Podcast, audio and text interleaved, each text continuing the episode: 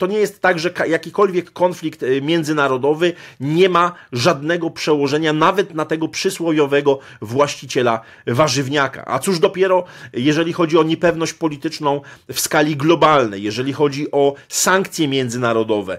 Y, mogę powiedzieć, że wchodzimy niewątpliwie w okres dekoniunktury międzynarodowej, jeśli chodzi o geopolitykę, w okres y, przesilenia, który nazywany jest często woj okresem wojen hegemonicznych, czyli krótko mówiąc zbudową nowej architektury bezpieczeństwa międzynarodowego. Że należy się liczyć z tym, że w, tra w trakcie zimy i po zimie mogą pójść w górę bardzo mocno ceny energii, nie tylko paliw.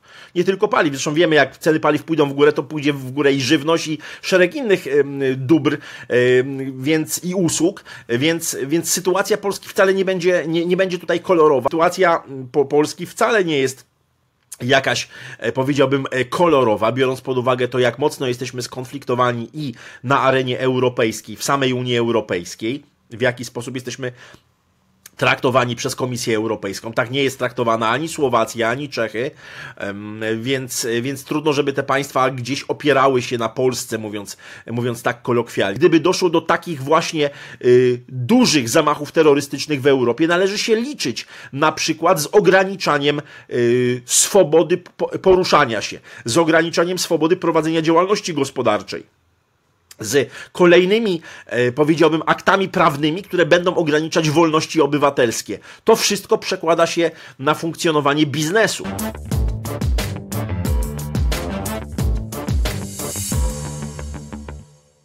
Partnerami kanału są Ostko Content Marketing. Tworzymy treści, które skłaniają Twoich klientów do działania. Magazyn firma.pl, serwis internetowy dla właścicieli małych biznesów. Polski Fundusz Sukcesyjny. Pomagamy firmom przygotować się do sukcesji. Cześć, witam Was bardzo serdecznie na kanale Biznes na Ostro, w którym regularnie podejmuję tematy związane z biznesem, przedsiębiorczością i finansami, ale czasami Również zajmujemy się tematami geopolitycznymi, takimi, które wpływają w pewien sposób na gospodarkę międzynarodową, na to, co jest e, troszeczkę dalej niż e, nasze sąsiednie miasto, bo o takich tematach chcecie rozmawiać. A dzisiaj moim gościem jest dr Leszek Sykulski, politolog, doktor nauk społecznych, specjalista geopolityki. Dzień dobry, witam serdecznie. Dzień dobry panu, dzień dobry państwu. Panie doktorze, pierwsze pytanie od razu.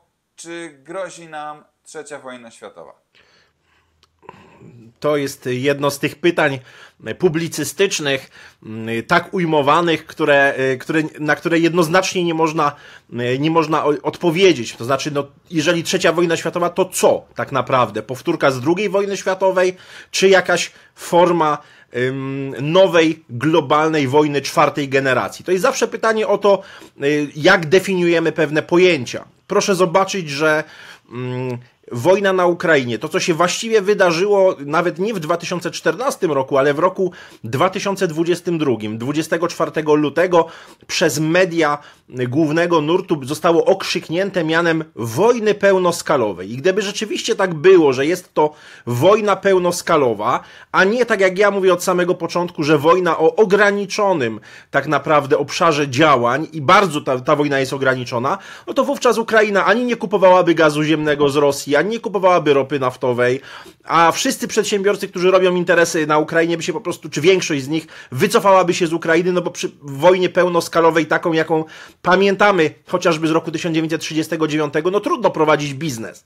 Ja się zajmuję zawodowo czymś, co się, y, ja się zajmuję między innymi zawodowo konsultingiem w zakresie ryzyka geopolitycznego i to konsultingiem dla przedsiębiorców, dla inwestorów, ponieważ geopolityczne ryzyko inwestycyjne dzisiaj na świecie jest bardzo mocno, mm, że tak powiem, rozwijane w sensie i analitycznym, i naukowym. W Polsce jest to dopiero raczkująca dziedzina wiedzy, tak naprawdę. E, I mogę powiedzieć, że dzisiaj czynniki geopolityczne są jednymi z najbardziej kluczowych dla długofalowego, y, można powiedzieć, takiego prognozowania, y, prognozowania właśnie kwestii inwestycyjnych czy, y, czy kwestii w ogóle handlowych, bo jakby ryzyko geopolityczne to jest ten rodzaj ryzyka, który jest związany ze sprawami międzynarodowymi, strategicznymi, które mogą wpłynąć na biznes, na inwestycje, na stabilność społeczeństw i tak dalej, i tak dalej. One, ono obejmuje zagrożenia, wszelkiego rodzaju niepewności, które są związane z interakcjami międzynarodowymi, z konfliktami, zmianami w polityce rządów, regulacjami międzynarodowymi, no całą masą aspektów geopolitycznych, począwszy, tak jak powiedziałem, od konfliktów zbrojnych przez spory graniczne, zmiany w polityce handlowej, aż na zmianach prawnych w polityce wewnętrznej poszczególnych państw, to w tym wszystkim zajmuje się ten obszar zwany ryzykiem geopolitycznym. I z tego y, punktu widzenia y, mogę powiedzieć, że wchodzimy niewątpliwie w okres dekoniunktury międzynarodowej, jeśli chodzi o geopolitykę, w okres y, przesilenia, który nazywany jest często woj okresem wojen hegemonicznych, czyli krótko mówiąc zbudową nowej architektury bezpieczeństwa międzynarodowego. I taka sytuacja zawsze w historii związana związana była z turbulencjami międzynarodowymi w postaci konfliktów zbrojnych, nasilenia się sporów granicznych, sporów etnicznych, religijnych, napięć związanych z zagrożeniem terrorystycznym i tak dalej, i tak. Y, to wszystko dzisiaj badacze zajmujący się naukami społecznymi próbują y, ująć w taki konstrukt, który nazywa się wojną czwartej generacji. Ponieważ mimo tego, co obserwujemy obecnie na Ukrainie, to dzisiejsze konflikty y, zbrojne przybierają bardzo różne różną płaszczyznę. Nawet to, co dzisiaj obserwujemy w Donbasie, ma swoje e, przecież drugie, trzecie i czwarte tło, e, bo to i wojna w cyberprzestrzeni, i wojna informacyjna, i szereg innych e, czynników, które możemy zaklasyfikować jako wojnę hybrydową. Przecież to się wszystko dzieje, a jednak wszystko w sposób niezwykle, powiedziałbym, ustalony, może nie ustalony, ale odbywający się w pewnych ramach, które nie są naruszane, chociażby jeżeli chodzi o wymianę handlową między Rosją a Ukrainą. No, proszę sobie wyobrazić sytuację, że e, Polska w roku 1939 prowadziłaby normalną wymianę handlową, mówimy o wrześniu 1939 roku, prowadziłaby normalną, czy prawie normalną wymianę handlową z trzecią Rzeszą. To byłoby absolutnie niemożliwe, niemożliwe we wojnie pełnoskalowej. I to jest ten ogromny dysonans pojęciowy, który dzisiaj mm, obserwujemy, myślę, że intuicyjnie i nie tylko intuicyjnie, przedsiębiorcy, a zwłaszcza duzi przedsiębiorcy, duże korporacje, doskonale rozumieją, że to, y, co słyszymy w mediach głównego nurtu, to jest propaganda. A jakby rzeczywistość, ta realna, namacalna, gospodarcza, to jest zupełnie inna, y, inna sprawa. Ja mogę powołać się na własne doświadczenie, ponieważ od 2021 roku prowadzę firmę, prowadzę swoją działalność, prowadzę właśnie tak jak powiedziałem, między innymi usługi konsultingowe w zakresie ryzyka geopolitycznego i miałem przyjemność i zaszczyt pracować dla różnych firm, dla różnych przedsiębiorców, w tym takich, którzy inwestowali na przykład na Ukrainie czy, czy w Afryce i y, też miałem, miałem tutaj mm, okazję pisać takie, y, takie raporty, analizy, czy, czy, czy po prostu formułować opinie mm, w tym, w tym obszarze, które się po prostu sprawdziły i y, zresztą widać to, że, że, że tak jak mówię, ten, ten konflikt na Ukrainie ma, ma charakter określonych ram. Natomiast oczywiście jesteśmy w tym, powiedziałbym, procesie policentryzacji świata, który doskonale widać po mm, nie tylko proxy war, wojnie zastępczej między Stanami Zjednoczonymi i Rosją, ale także po napięciach y, chociażby w cieśninie tajwańskiej, czy szerzej na Indo-Pacyfiku,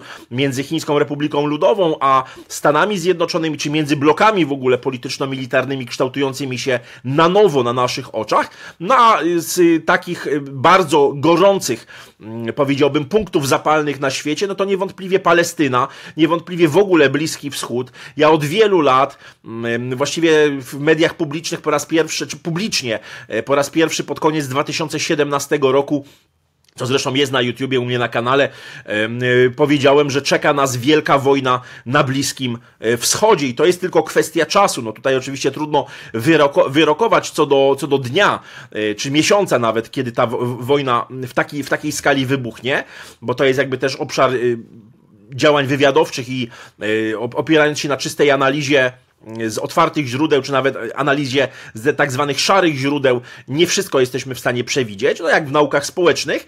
Niemniej jednak w mojej ocenie, w mojej opinii, wielka wojna na Bliskim Wschodzie jest tylko kwestią czasu e, i to jest jeden z takich czynników mocno destabilizujących sytuację na arenie międzynarodowej, powodujących dekoniunkturę geopolityczną, czyli okres tworzenia się nowej architektury bezpieczeństwa międzynarodowego. Nie mam co do tego wątpliwości, że prędzej czy później jakaś forma e, ustanowienia nowej architektury, chociażby w postaci na przykład międzynarodowej konferencji pokojowej, która ustaliłaby taką taką architekturę, no nas czeka po prostu. Kto w tym sporze e, ostatecznie ma największe szanse na zwycięstwo? Amerykanie, Chińczycy, Rosjanie?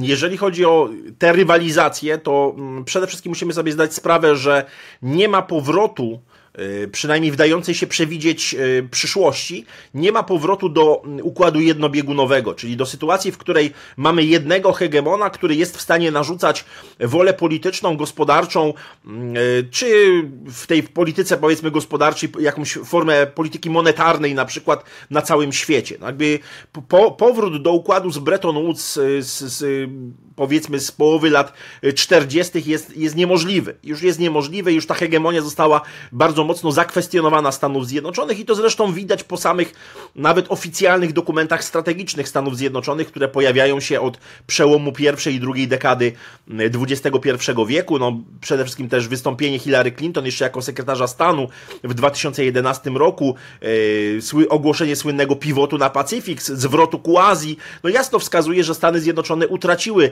monopol na stosowanie siły na, w skali całego globu, e, utraciły zdolność do prowadzenia dwóch wojen jednocześnie, e, dwóch konfliktów równorzędnych na świecie, tym bardziej, że tych punktów zapalnych na świecie znacznie przybyło, bo, bo przecież to nie tylko wspomniany przeze mnie Indo-Pacyfik, Bliski Wschód, czy Europa Wschodnia, czy Europa Południowa, bo Bałkany to dalej e, beczka, przysłowiowa beczka prochu, ale to także Arktyka na przykład. To także e, nowe domeny, nowe domeny prowadzenia mm, rywalizacji międzynarodowej, cyberprzestrzeń i przestrzeń kosmiczna. To jest też jakby nowa odsłona rozwoju chociażby y, ASAT, czyli broni antysatelitarnej, która y, no tutaj też się dzieje rewolucja na naszych oczach, prawda? Dzieje się także rewolucja kwantowa. Właściwie no, obserwujemy jej początki, ale ona w, w bardzo mocny sposób y, ukształtuje nowo, nowy system rywalizacji na świecie. W związku z tym, no trudno dzisiaj mówić o tym, że jakieś państwo, czy jakiś nawet blok polityczno-militarny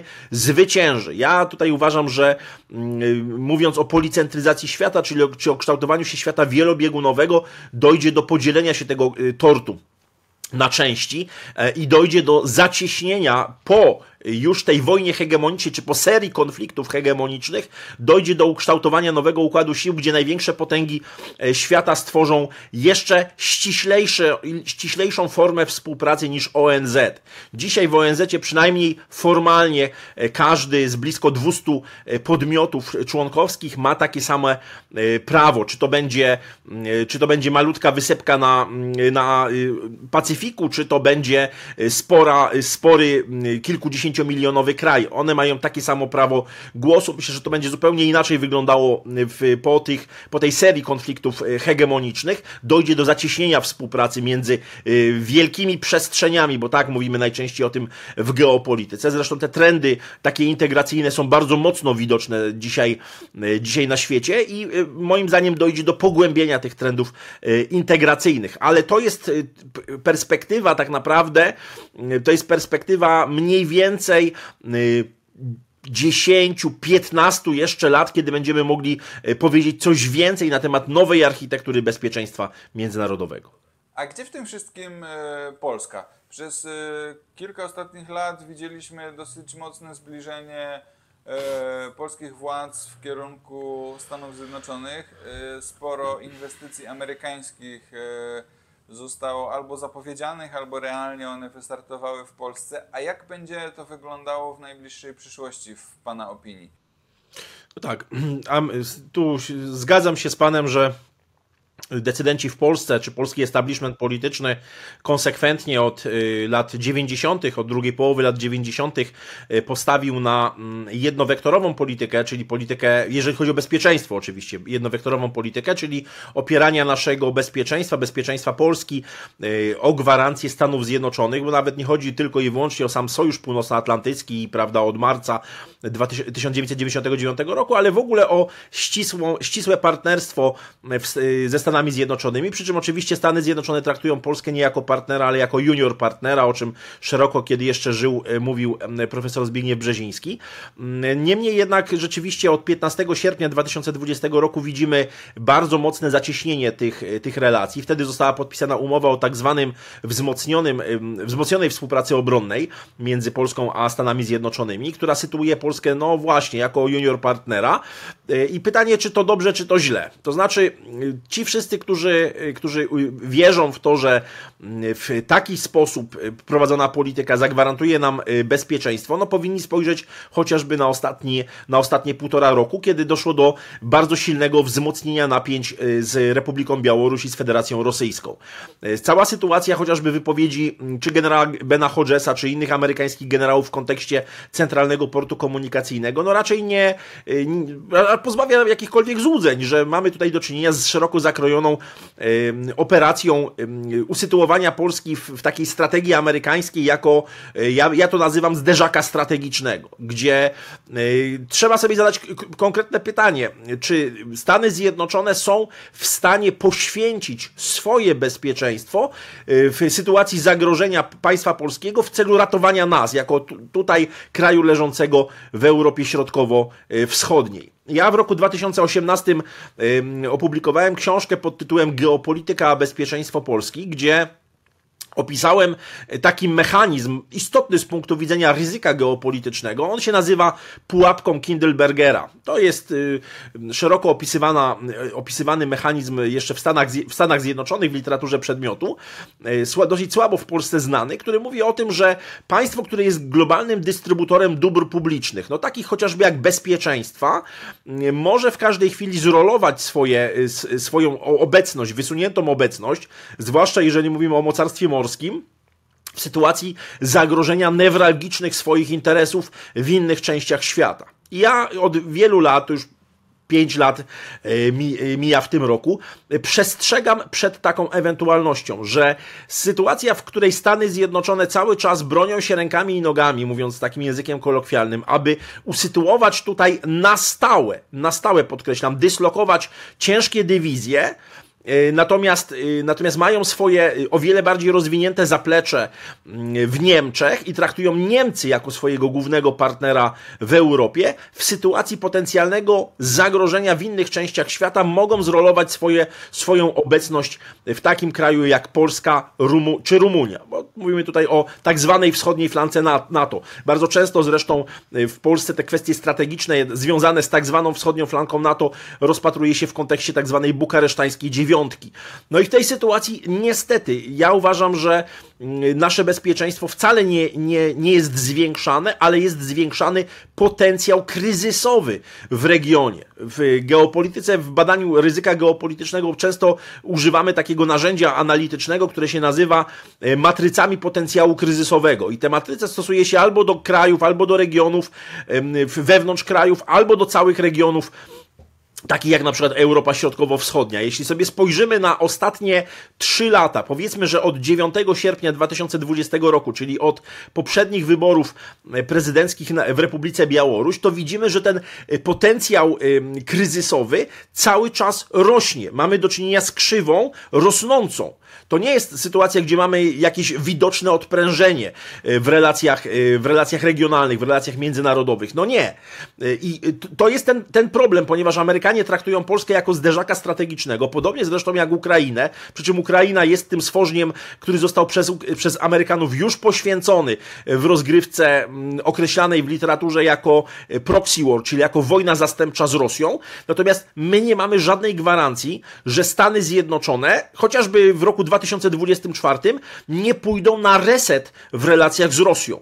W mojej ocenie, ja stawiam taką hipotezę, że Amerykanie może nie zdecydują się na pełny reset reset, albo na reset przybliżony do tego, który, który widzieliśmy mm, chociażby w, w, powiedzmy w roku 2000, w roku 2009, ale mogą zdecydowanie złagodzić swoją retorykę wobec Rosji, złagodzić sankcje wo wobec Rosji w sytuacji zagrożenia swoich żywotnych interesów na Bliskim Wschodzie, a te żywotne interesy na Bliskim Wschodzie są utożsamiane w, w elitach waszyngtońskich, między innymi przez pryzmat interesów Izraela, który jest traktowany jako najbliższy sojusznik Stanów Zjednoczonych i o tym absolutnie nie możemy, nie możemy zapominać. W amerykańskiej nauce o stosunkach międzynarodowych powstało no, mnóstwo bardzo, bardzo, bardzo takich obszernych opracowań na temat, na temat relacji amerykańsko-izraelskich. Co do tego dzisiaj nie ma nikt żadnych wątpliwości, że Stany Zjednoczone po tych e, wszystkich, chociażby deklaracji jerozolimskiej e, przyjdą Izraelowi z pomocą bez względu na to, jakie, jakie byłoby to zagrożenie dla, dla Izraela. Więc ja też nie mam co do tego żadnych wątpliwości, patrząc na te dwie grupy lotniskow, lotniskowcowe, które zostały przez, przez prezydenta Bidena wysłane na Bliski Wschód, więc, więc widzimy, widzimy to, tę determinację. Więc w sytuacji, w której Amerykanie ociepliliby swoje relacje z Rosją, w której dokonaliby pewnego zrolowania swojej wysuniętej obecności w Europie Środkowo-Wschodniej, a skoncentrowaliby się na właśnie Bliskim Wschodzie czy na, czy na y, Indo-Pacyfiku, bo przecież Chiny mogą w każdej chwili chcieć wykorzystać y, rosnącą, rosnące napięcie na Bliskim Wschodzie do wyegzekwowania na przykład swoich, y, swoich żądań wobec Tajwanu, w związku z tym my pozostajemy wtedy w bardzo trudnym położeniu, ponieważ około 1 trzecia sprzętu, w zależności oczywiście od kategorii sprzętu, y, została wojskowego, została przekazana y, Ukrainie. Mówimy tutaj o czołgach, mówimy tutaj o transporterach opancerzonych, mówimy tutaj o armotochaubicach. No, szacuje się, są różne szacunki, ale mówi się, że nawet 1 trzecia tego sprzętu została przekazana na Ukrainę, więc jakby potencjał obronny państwa polskiego jest bardzo mocno y, osłabiony, natomiast relacje z państwem związkowym Rosji i Białorusi są po prostu fatalne. Oczywiście to nie jest jakiś poziom, powiedzmy, jeszcze katastrofalny, bo Polska utrzymuje relacje i z jednym, i z drugim państwem. Jakby misje dyplomatyczne są prowadzone. Niemniej jednak sytuacja państwa polskiego strategiczna byłaby niezwykle niebezpieczna, zwłaszcza w sytuacji, w której e, elity ukraińskie zbliżają się z elitami niemieckimi, kiedy dodatkowo jeszcze rośnie presja ze strony Komisji Europejskiej, ze strony samych Niemiec w ogóle na Polskę, kiedy warunkowy jest, warunkowe jest wdrożenie Krajowego Planu Odbudowy, gdzie KPO tak naprawdę ma być za tak zwaną praworządność, co wcale nie jest powiedziane, że Polska te miliardy otrzyma, z Unii Europejskiej, a biorąc pod uwagę rosnącą inflację i w ogóle jakby wszyscy obserwujemy, że siła nabywcza pieniądza y, maleje, y, ale także należy się liczyć z tym, że w, tra w trakcie zimy i po zimie mogą pójść w górę bardzo mocno ceny energii, nie tylko paliw, nie tylko paliw, zresztą wiemy jak ceny paliw pójdą w górę, to pójdzie w górę i żywność i szereg innych dóbr więc i usług, więc, więc sytuacja Polski wcale nie będzie, nie, nie będzie tutaj kolorowa i niestety jeżeli ta polityka będzie utrzymywana z taką ślepą wiarą właśnie, że, że Amerykanie zawsze i wszędzie nam pomogą, no to niestety któregoś, któregoś dnia, prędzej niż później, y, obudzimy się naprawdę z potężnymi problemami geopolitycznymi. Czy Polska ma szansę być y, dosyć, może nie mocarstwem, ale mieć dosyć mocną, poważną pozycję w Europie? Najpierw w Europie Środkowo-Wschodniej, a później w całej Europie. Biorąc pod uwagę fakt, te wszystkie szumne zapowiedzi, że Polska miała być najpierw drugą Japonią, a później e, drugą Irlandią i że miała być liderem Europy Środkowo-Wschodniej, liderem Międzymorza, czy liderem Trójmorza, no to oczywiście są wszystko pewne zabiegi propagandowe, czy pewne zabiegi PR-owe, mówiąc, mówiąc delikatniej. Natomiast musimy sobie zdawać sprawę, że Polska do dziś nie jest e, żadnym realnym liderem regionu. To nie jest tak, że e, języka polskiego chętnie się uczą e, powiedzmy setki tysięcy ludzi w Czechach, na Słowacji, na Węgrzech, w Chorwacji, w Bułgarii, w Rumunii i tak dalej, i tak dalej. To nie jest tak, że od 2015 mm, roku e, nagle wszyscy zafascynowani ideą, inicjatywą Trójmorza mm, nagle zaczęli słuchać polskich wokalistów pop, polskiej muzyki rockowej, zachwycać się polską literaturą literaturą, prawda, i tak dalej, i tak dalej, wybierać polonistykę na studiach, jeżeli chodzi o tych 12 państw inicjatywy e, Trójmorza. No tak, tak nie jest. Polska e, nie ma nawet ani jednej elektrowni jądrowej, ani jednej. Spójrzmy na naszych sąsiadów, e, spójrzmy na Węgrów, spo, spoza oczywiście sąsiadów, nieco, nieco dalej. No, sytuacja po Polski wcale nie jest jakaś, e, powiedziałbym, e, kolorowa, biorąc pod uwagę to, jak mocno jesteśmy skonfliktowani i na arenie europejskiej, w samej Unii Europejskiej, w jaki sposób jesteśmy traktowani przez Komisję Europejską. Tak nie jest traktowana ani Słowacja, ani Czechy, więc, więc trudno, żeby te państwa gdzieś opierały się na Polsce, mówiąc, mówiąc tak kolokwialnie. Spójrzmy, jak wygląda dzisiaj Grupa Wyszehradzka. Trójkąt Weimarski jest praktycznie martwy. Powołano oczywiście ad hoc takie, takie inicjatywy jak Trójkąt Lubelski, która je, który jest po prostu no, pewną manifestacją polityczną, ale nie jest żadną realną siłą, bo przecież Ukraińcy e, chcąc rozmawiać o konkretach, o potencjalnej odbudowie swojego kraju już po zakończeniu wojny rozmawiają przede wszystkim z Niemcami. Spójrzmy na te wszystkie wypowiedzi e, e, prezydenta Wołodymyra Zełenskiego, spójrzmy na te oskarżenia pod adresem Polski, które formułował całkiem jeszcze niedawno na forum ONZ w Nowym Jorku, gdzie zrównał właściwie Polskę do, e, do Rosji, mówiąc, że polski rząd sprzyja, sprzyja Rosji, kiedy to przecież najwięcej, najwięcej pomocy Ukraińcy otrzymali od Polski. I tutaj nie mówię tylko i wyłącznie o liczbach bezwzględnych, ale mówię także w ogóle, jeżeli chodzi o y, pomoc taką czysto ludzką, biorąc pod uwagę, że kilka milionów obywateli Ukrainy w roku 2022 y, przejechało przez Polskę, czy znalazło tutaj gościnę, przynajmniej na jakiś czas. W związku z tym, a ponad milion zresztą Ukra obywateli Ukrainy otrzymało, miało nadany, ma nadany numer, numer PESEL. W związku z tym Polska nie jest żadnym dzisiaj realnym liderem regionu. Teraz jest Polska jeszcze bardzo osłabiona, y, mająca, nie mająca tak naprawdę obrony powietrznej. Przecież to nie jest żadna jakaś wielka tajemnica. To jest tajemnica Poliszynela. Każdy, kto ma dostęp do internetu, kto wejdzie sobie na stronę Najwyższej Izby Kontroli, może się przekonać, jak wygląda potencjał obronny y, państwa polskiego, który składa się nie tylko z komponentu wojskowego, ale także z komponentu cywilnego. Zatem, jeżeli chodzi o komponent wojskowy, to doskonale wiemy, że Polska nie ma skutecznego systemu obrony powietrznej. Nie mówię teraz o, o tej tragedii w Przewodowie, o tej rakiecie pod Bydgoszczą i tak dalej, i tak. Po prostu Polska nie ma nowoczesnego systemu obrony powietrznej. Program Wisła jest e, dopiero wdrażany tak naprawdę nie wiadomo, kiedy się, kiedy, kiedy w pełni e, osiągnie gotowość, gotowość bojową. I Polska przede wszystkim nie ma systemu obrony, e, obrony cywilnej i ochrony ludności. Czy to w czasie P, czy w czasie W, czy w czasie pokoju, czy w czasie wojny. Mamy dwa raporty Najwyższej Izby Kontroli, które są absolutnie miażdżące z roku 2012 i 2000 roku, 2018, które wprost mówią, że nie ma systemu ochrony ludności cywilnej. E, nie ma systemu schronów, nie ma systemu e, e, ewakuacji, nie ma systemów zapewnienia wody pitnej, medykamentów na czas, na czas na przykład wojny. No, sytuacja, w której Ukraina jest lepiej przygotowana do ochrony ludności cywilnej niż Polska, jest sytuacją absolutnie skandaliczną i trudno, aby kraje regionu gdzieś traktowały Polskę jako, jako jakiegoś wielkiego lidera y, tej części, tej części świata. Mały przedsiębiorca, który prowadzi firmę w Polsce, może mieć wrażenie, że nie muszą go dotyczyć te wszystkie konflikty, wojny, niesnaski między narodami czy między dużymi mocarstwami, bo on i tak prowadzi biznes tutaj w naszym kraju i nie ma zamiaru wychodzić z nim za granicę. Czy to jest dobre myślenie, czy faktycznie takie kompletne zobojętnienie na sprawy międzynarodowe może mieć miejsce w przypadku przedsiębiorców? Pytanie, y, dlaczego przedsiębiorcom y, wiedza o konfliktach jest potrzebna, czy w ogóle zajmowanie się ryzykiem geopolitycznym y, jest pytaniem o tak naprawdę też skalę, skalę tego biznesu. Bo jeżeli nawet ktoś prowadzi przysłowiową y, budkę z warzywami, przysłowiowego warzywniaka na osiedlu, to nie jest tak, że może całkowicie lekceważyć to, co się dzieje na świecie.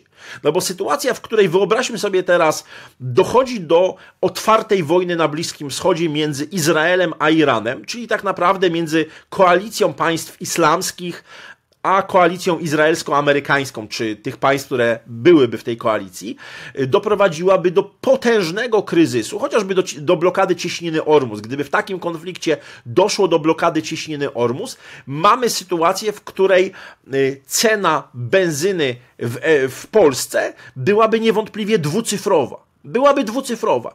To odbiłoby się także na tym przysłowiowym właścicielu warzywniaka, ponieważ ten człowiek też musi kupić e, produkty od e, rolników, też musi je przetransportować. To też są konkretne koszty e, energii, której zużywa na przykład w swoim, w swoim warzywniaku. Mówimy o, o prądzie. To się przeku, przekuwa na także całą branżę gastronomiczną, na przemysł, cały przemysł właściwie, który wykorzystuje chociażby gaz ziemny, potężny przemysł chemiczny na przykład prawda, i tak dalej, i tak dalej, więc to się przekuwa na, y, na życie nas, nas wszystkich. Tak jak powiedziałem, ceny paliw y, przekładają się na ceny, mm, na ceny także, także żywności, innych, y, innych środków, także usług. Spójrzmy na ceny, które były jeszcze przed lockdownami i te, które są, które są obecnie. Niektóre, niektóre usługi, tak naprawdę koszt niektórych usług wzrósł kilkuset o kilkaset procent, o kilkaset procent. W związku z tym to nie jest tak, że jakikolwiek konflikt y, międzynarodowy nie ma żadnego przełożenia nawet na tego przysłowiowego właściciela warzywniaka. A cóż dopiero, jeżeli chodzi o niepewność polityczną w skali globalnej, jeżeli chodzi o sankcje międzynarodowe, jeżeli chodzi o ograniczanie handlu, ograniczanie działalności gospodarczej, no bo przecież wyobraźmy sobie sytuację, w której dochodzi do rozwinięcia się konfliktu na Bliskim Wschodzie i do serii ataków terrorystycznych w Europie. Oczywiście, oby nigdy nie, ale yy, zajmując się ryzykiem geopolitycznym, no trzeba tworzyć różne warianty. Metoda scenariuszowa no zakłada tworzenie różnych wariantów, czasami nawet kilkunastu lub kilkudziesięciu różnych wariantów. Gdyby doszło do takich właśnie y, dużych zamachów terrorystycznych w Europie, należy się liczyć na przykład z ograniczaniem y, swobody poruszania się, z ograniczaniem swobody prowadzenia działalności gospodarczej z kolejnymi, e, powiedziałbym, aktami prawnymi, które będą ograniczać wolności obywatelskie. To wszystko przekłada się na funkcjonowanie biznesu. E, I tak jak już e, pokazałem na tym prostym przykładzie osiedlowego warzywniaka w mieście, to y, proszę sobie wyobrazić sytuację wielkiej spółki, y, jakiejś metalurgicznej na przykład, która inwestuje dzisiaj w Afryce, która dzisiaj inwestuje na Bliskim Wschodzie, która inwestuje, pr prowadzi także bardzo taki zbilansowany swój koszyk y, inwestycyjny i, i stara się dywersyfikować swój portfel. Niemniej jednak musi uwzględniać wszystkie te możliwe czynniki, czynniki kryzysotwórcze, te wszystkie wszystkie czynniki ryzyka, a ich jest naprawdę sporo. Patrząc na taką prostą matrycę ryzyka geopolitycznego, mamy około 40 naj, takich najprostszych czynników, które wpływają na to, czy mamy do czynienia z sytuacją kryzysu, czy sytuacją w miarę stabilną.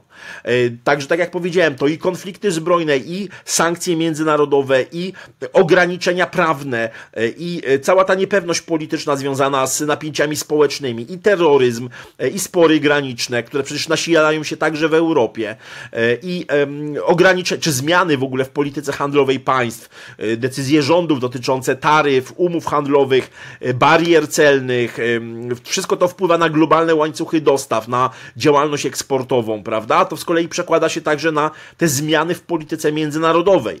Dlatego też nie ma się co dziwić, że nawet, wie, że przede wszystkim wielkie korporacje, że także wielkie globalne firmy konsultingowe zaczęły bardzo mocno zajmować się tym, co się określa mianem ryzyka politycznego czy ryzyka geopolitycznego, w zależności od przesunięcia, przesunięcia akcentów. Także no, to, to pytanie jest, jest takim y, no, jednym z kluczowych. Gdzie teraz jest y, najbezpieczniej? powiem truizm, że świat jest jedną wielką globalną wioską. Oczywiście łańcuchy dostaw są zrywane i prawda, zmienia się kształt globalizacji. Niektórzy mówią o deglobalizacji, e, raczej ja bym powiedział o alterglobalizacji. Ja nie lubię tego słowa deglobalizacja, ponieważ moim zdaniem powrotu do całkowicie takiego zdecentralizowanego systemu e, i, i, i e, takich różnych, powiedziałbym, tworzenia baniek handlowych, czy też właśnie mm, wyizolowania poszczególnych regionów świata z globalnego handlu, moim zdaniem powrotu do tego nie ma. Natomiast możemy mówić o alterglobalizacji, o różnych alternatywnych rozwiązaniach, yy, które się pojawiają wobec na przykład offshoringu. Pamiętamy te czasy, kiedy yy, w Europie likwidowano przemysł, przenoszono fabryki do Azji, gdzie było taniej, gdzie było szybciej, yy, gdzie nie, można, nie trzeba się było prze, przejmować protestami społecznymi, kosztami prawda, uzyskania przychodu i tak dalej, i tak. Teraz mówimy o reshoringu bądź, bądź tym nearshoringu i to jest właśnie taki, tak, takie też między innymi próba, próba wyjścia naprzeciw y, tym nowym, nowym wyzwaniom, czyli właśnie jakimś tam nowym formą globalizacji, alterglobalizacji, czyli też niekoniecznie właśnie y, po, powrotu tych, tych fabryk do, y, do, do kraju macierzystego, na przykład weźmy Wielką Brytanię, tu nie chodzi czasami o to, żeby przywrócić te fabryki w Wielkiej Brytanii, ale wziąć je mm, nieco bliżej, przybliżyć je, usadowić w Europie kontynentalnej, tam gdzie jest tańsza siła robocza po prostu. To jest jeden, jeden z takich przykładów przykładów takiej, e, takiej alterglobalizacji. Gdzie jest dzisiaj najspokojniej? No nie ma takie, nie, nie można dzisiaj powiedzieć, że jest jakiekolwiek miejsce na świecie, gdzie zawsze i wszędzie będzie na pewno bezpiecznie. Na pewno dzisiaj je, takimi w miarę bezpiecznymi, e, takim w miarę bezpiecznym na przykład państwem poza Europą jest, jest Urugwaj, ale jak będzie sytuacja na przykład wyglądać za lat 5, tego nikt nie, nie jest w stanie w 100% przewidzieć. Oczywiście możemy pewne trendy pokazywać, co jest lepsze dla przedsiębiorców inwestujących e, na przykład w, na rynku miedzi, które, które kraje będą, będą lepsze, które gorsze, e, jak wygląda sytuacja na rynku e, pierwiastków ziem rzadkich, bo tutaj sytuacja też jest bardzo dynamiczna, prawda? Wiemy oczywiście, jak, które kraje mają monopol, na które, na które pierwiastki, czy prawie monopol, ale także patrząc na sytuację na rynku uranu na przykład, jakby symulując pewien rozwój energetyki jądrowej, też oczywiście są różne scenariusze, są różne alternatywy, ale to jak mówię, to nie jest na taką luźną rozmowę, to jest raczej już na, na takie poważne analizy w obszarze ryzyka, ryzyka geopolitycznego. A co z tak zwanym wielkim resetem? Tą teorią, o której Pan jakiś czas temu wspominał w swoich filmach ona jest wciąż aktualna? To, to pojęcie bardzo mocno spopularyzował Klaus Schwab mm, i niewątpliwie sytuacja tych wszystkich czynników, które się wiążą z, z wielkim resetem mm, jest jak najbardziej aktualna. Jest jak najbardziej aktualna. Mówimy tutaj o kształtowaniu się w ogóle nowego porządku światowego, e, w którym e, dojdzie do jeszcze większej centralizacji, jeśli chodzi o pewne y, rozwiązania nie tylko gospodarcze, ale także, y, ale także społeczne. No i tutaj oczywiście jednym z takich synonimów wielkiego resetu stała się na przykład kwestia wprowadzania, wprowadzenia pieniądza cyfrowego, wprowadzenia pieniądza cyfrowego banku centralnego e, i e, eliminacji gotówki. No, możemy tutaj mówić oczywiście bardzo długo na temat tego, czym jest e, cała koncepcja wielkiego resetu, jak miałoby to wyglądać, czym jest kapitalizm interesariuszy, jak to miałoby być wdrażane. Myślę, że każdemu, kto ma elementarną wiedzę do też, też te, każdy, kto ma elementarną wiedzę, rozumie, że tak zwana polityka klimatyczna, która dzisiaj jest bar, no, na sztandarach praktycznie wszystkich najważniejszych sił w Unii Europejskiej, jest tym, co jest ściśle związane właśnie e, z, z koncepcją wielkiego resetu. I jeżeli miałbym tutaj mówić o zagrożeniach dla przedsiębiorców, bo rozumiem, że też w takim, w takim duchu też rozmawiamy, między innymi oczywiście w takim duchu, to niewątpliwie jeden z takich naj, naj, naj, najbardziej istotnych rzeczy jest kwestia ograniczania posługiwania się gotówką. I to widzimy zresztą po rozwiązaniach prawnych, które, które wejdą także w przyszłym roku, w roku 2024 w Polsce. E, I moim zdaniem jest to szalenie niebezpieczne, nie tylko z punktu widzenia wolności e, człowieka, wolności obywatela, e, niezależności od systemu, ale także jeżeli chodzi o potencjalne potencjalne konflikty międzynarodowe, a mianowicie e, uderzenia w cyberprzestrzeni. E, nie trudno mi sobie wyobrazić sytuację, w której dochodzi do naprawdę poważnej awarii, bądź, uderze, bądź awarii e, celowo wywołanej przez, przez człowieka, przez organizacje terrorystyczne na przykład, w której dochodzi do paraliżu systemu finansowego państwa, gdzie tak naprawdę gospodarka zostałaby sparaliżowana, nie, nie mając tej, tego, tego pieniądza namacalnego, tego pieniądza materialnego. To jest niezwykle niebezpieczne w sytuacji, w której tak naprawdę nie mamy stabilnego systemu energetycznego. No bo trudno mówić o stabilnym systemie energetycznym, yy, gdzie w perspektywie powiedzmy roku 2035 miałby się on opierać na, czy w perspektywie powiedzmy roku 2040 miałby się opierać na yy, odnawialnych źródłach energii. No to jest dzisiaj mrzonka, aby polski system energetyczny był w stanie się y, opierać na OZE, bez elektrowni jądrowych, y, przy zakładaniu tak zwanej dekarbonizacji, czyli odchodzenia od węgla, mm, od spalania węgla, czy to brunatnego, czy, y, czy kamiennego. To jest dzisiaj absurd i to nie, niewątpliwie wpłynęłoby na uzależnienie państwa polskiego, i to już takie namacalne uzależnienie, od takich graczy, takich potężnych graczy jak Niemcy. E, pytanie, czy w ogóle Europa Zachodnia byłaby sobie w stanie w ogóle poradzić e, w sytuacji blackoutu na przykład, nie mając właśnie tego namacalnego pieniądza. Także jak najbardziej tutaj mogę tylko zachęcić do tego, aby czytać te książki, które się ukazały, mm, których współautorem jest Klaus Schwab, czy to o kapitalizmie interesariuszy, czy o wielkiej narracji, czy właśnie wielkim, wielkim resecie. Najpierw Dziękuję bardzo za dzisiejszą rozmowę. Wam również bardzo dziękuję za obejrzenie tego odcinka. Przypominam o łapkach w górę, o subskrypcjach i komentarzach pod tym materiałem. Kłaniam się. Do zobaczenia, do usłyszenia.